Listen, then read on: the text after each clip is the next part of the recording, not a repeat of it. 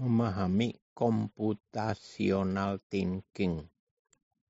Kemampuan berpikir kreatif, kritis, dan komunikasi serta kolaborasi adalah kemampuan yang paling penting dalam pembelajaran di abad 21.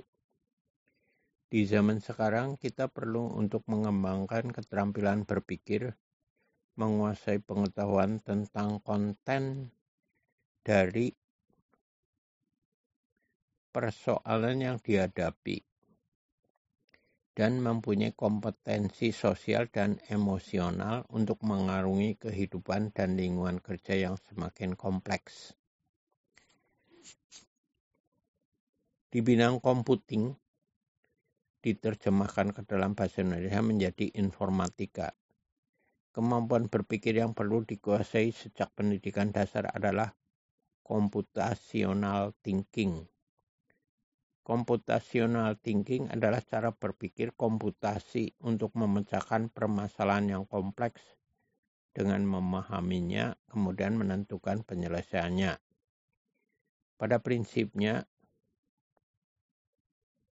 computational thinking adalah sebuah cara berpikir untuk memecahkan persoalan, merancang sistem, dan memahami perilaku manusia. Untuk lebih memahami computational thinking, pelajari urian berikut. 1. Apa itu computational thinking? Computational thinking adalah proses berpikir untuk memformulasikan persoalan dan solusinya sehingga solusi tersebut secara efektif dilaksanakan oleh sebuah agen pemroses informasi berupa komputer, robot, atau manusia. Menurut J.M. Wing, kemampuan berpikir komputasional adalah proses berpikir dalam merumuskan persoalan dan solusinya sehingga solusi dapat dinyatakan dalam sebuah bentuk yang dapat dikerjakan secara efektif oleh manusia atau mesin. Dalam pengembangan aplikasi komputer, sangat penting seorang manusia memiliki computational thinking. Beberapa ahli juga berpendapat bahwa berpikir komputasi atau yang disebut dengan computational thinking adalah serangkaian pola pemikiran yang mencakup memahami permasalahan dengan gambaran yang sesuai, bernalar pada beberapa tingkat abstraksi, dan mengembangkan penyelesaian otomatis. Berpikir komputasi sangat erat kaitannya dengan teori komputasi. Menurut Sai Simonson, teori komputasi adalah program abstrak, abstraksi mengenai apa yang kita hitung. Sedangkan Ian Horsfield menyatakan bahwa komputasi adalah menemukan solusi suatu permasalahan dari input yang diberikan dengan cara algoritma. Pada dasarnya, berpikir komputasi merupakan bagian dari kemampuan pemecahan masalah. Namun, berpikir komputasi lebih menekankan untuk berpikir memecahkan masalah dengan logika kita. Sehingga computational thinking ini berfokus pada kemampuan berpikir untuk mencari pemecahan masalah dan mencari alternatif lain dalam pemecahan masalah tersebut sehingga mendapat solusi yang terbaik. Berpikir komputasi adalah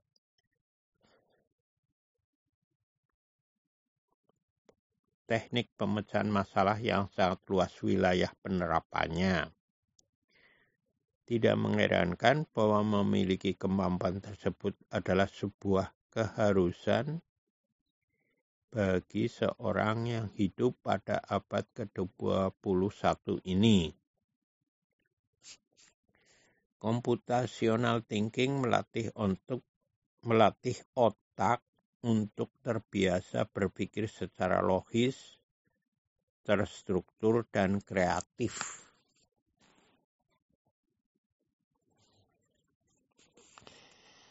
teknik dan metode berpikir komputasi. Bagaimana teknik-teknik yang dilakukan dengan cara berpikir komputasi itu? Ada empat teknik atau metode berpikir komputasi, yaitu dekomposisi, pengenalan pola, generasi, generalisasi pola, dan rancangan algoritma. Untuk lebih memahami, perhatikan urean berikut. A. Dekomposisi. Dekomposisi artinya memecahkan masalah kompleks menjadi submasalah yang lebih kecil dan lebih mudah dikelola. Dekomposisi adalah kemampuan memecah data proses atau masalah kompleks menjadi bagian-bagian yang lebih kecil atau tugas-tugas yang mudah dikelola. Mula-mula perhatikan permasalahannya, lalu buatlah menjadi beberapa bagian.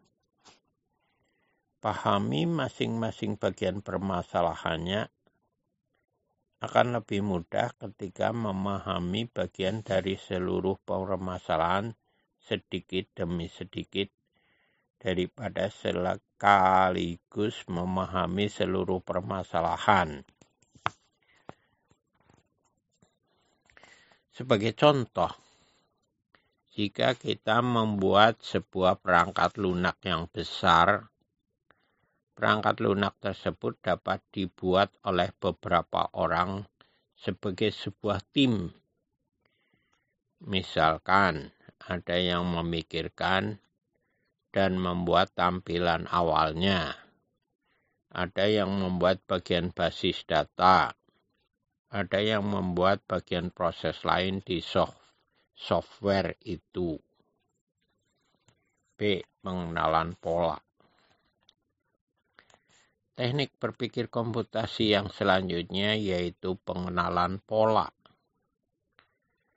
Dengan teknik itu, dengan teknik ini kita menyelesaikan permasalahan dengan melihat kesamaan atau pola yang berulang.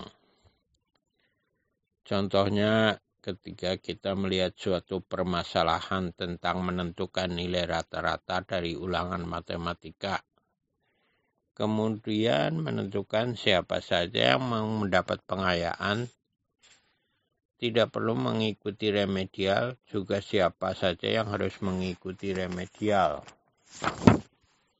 Mula-mula kita harus menentukan syarat batas nilai minimal berdasarkan rata-rata ulangan siswa sekelas. Kemudian menentukan satu persatu siswa apakah harus mengikuti remedial atau tidak.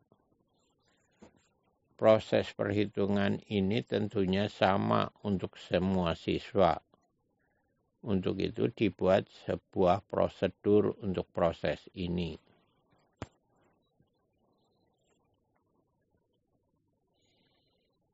C. Abstraksi Abstraksi adalah melakukan generalisasi dan mengidentifikasi prinsip-prinsip umum yang menghasilkan pola, tren, dan keteraturan tersebut. Abstraksi merupakan kemampuan memilah informasi yang kompleks menjadi lebih sederhana atau membuat informasi lebih bersifat umum atau general sehingga memudahkan kita untuk menjelaskan suatu ide. Melihat persamaan atau perbedaan pola, tren, dan keteraturan dalam data yang nantinya akan digunakan dalam membuat prediksi dan penyajian data.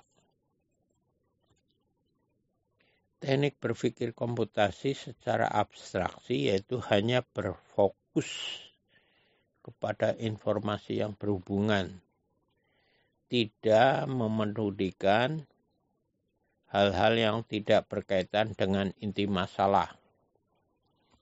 Dengan demikian, abstraksi juga dapat berarti kemampuan untuk memusatkan perhatian pada informasi yang penting saja dengan mengabaikan detail yang tidak relevan.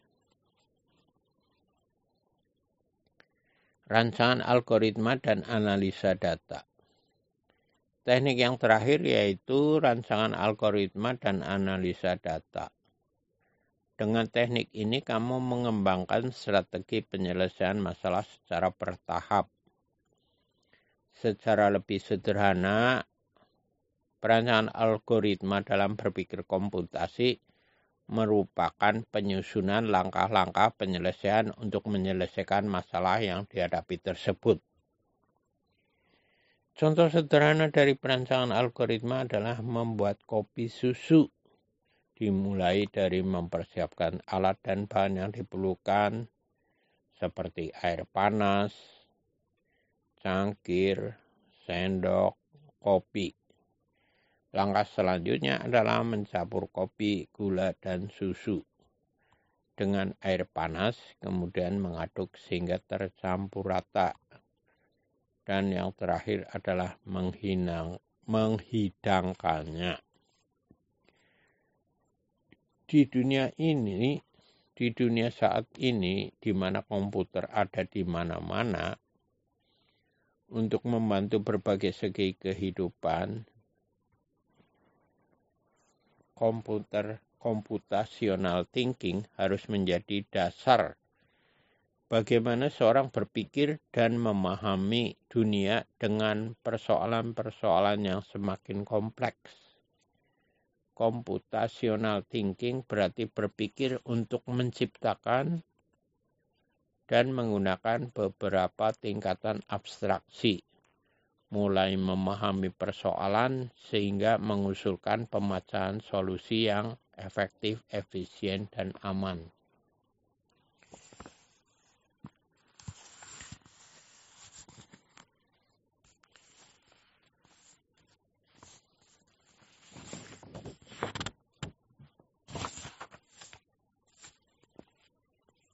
Contoh penerapan berpikir komputasi.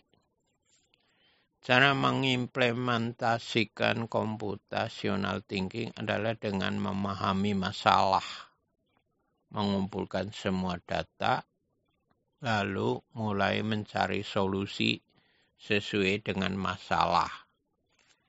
Dalam computational thinking ada yang disebut dekomposisi yaitu kita memecah suatu masalah yang kompleks menjadi masalah-masalah yang kecil untuk diselesaikan. Sebagai contoh, ketika kita ingin membuat nasi goreng, kita harus memahami cara membuat nasi goreng. Lalu kita mengumpulkan bahan-bahannya Kemudian kita mulai membuat nasi goreng sesuai dengan langkah-langkahnya. Dalam membuat nasi goreng, kita harus menyiapkan kompor, wajan, spatula, minyak goreng, nasi, telur, bumbu, dan lain-lainnya yang semuanya itu merupakan sebuah proses bernama dekomposisi. Kemudian dalam computational thinking ada yang disebut dengan pengenalan pola. Karena kita pernah membuat nasi goreng, kita juga dapat membuat kue tio. karena proses pembuatannya hampir mirip. Kita bisa melihat bahwa pola untuk membuat nasi goreng dan kue tio hampir sama walaupun bahan yang digunakan berbeda. Lalu ketika kita membuat nasi goreng, kita tidak memperhatikan bagaimana sebuah proses bagaimana proses sebuah kompor bisa menyala. Karena hal tersebut menurut kita tidak penting. Hal tersebut sudah terkait dengan abstraksi di dalam computational thinking. Selanjutnya dalam computational thinking adalah berpikir dengan algoritma di mana kita berpikir dengan mengurutkan langkah-langkah dalam menyelesaikan masalah agar menjadi logis berurutan, teratur, dan mudah dipahami orang lain. Dalam hal membuat nasi goreng, kita juga harus mengurutkan langkah-langkah secara logis, berurutan, dan rinci. Mulai dari proses awal pembuatan sampai dengan proses penyajiannya berpikir komputasi atau computational thinking tidak selalu berhubungan dengan komputer. Kita dapat menggunakan teknik berpikir komputasi dalam permasalahan sehari-hari. Ketika kita sudah terbiasa dengan computational thinking, kita akan lebih berpikir kritis sehingga dapat memecahkan suatu permasalahan dengan baik, efektif, dan efisien. Jadi secara tidak sadar kita telah mengimplementasikan computational thinking dalam kehidupan sehari-hari mulai dari hal yang mudah dan bahkan hal-hal yang kecil pun telah kita lakukan dengan computational thinking. Sekian materi hari ini. Jangan lupa tanggal terakhir pengumpulan bel listrik yaitu tanggal 21 Agustus 2020. Jangan lupa mengisi pertanyaan dalam Google Classroom. Sekian, terima kasih.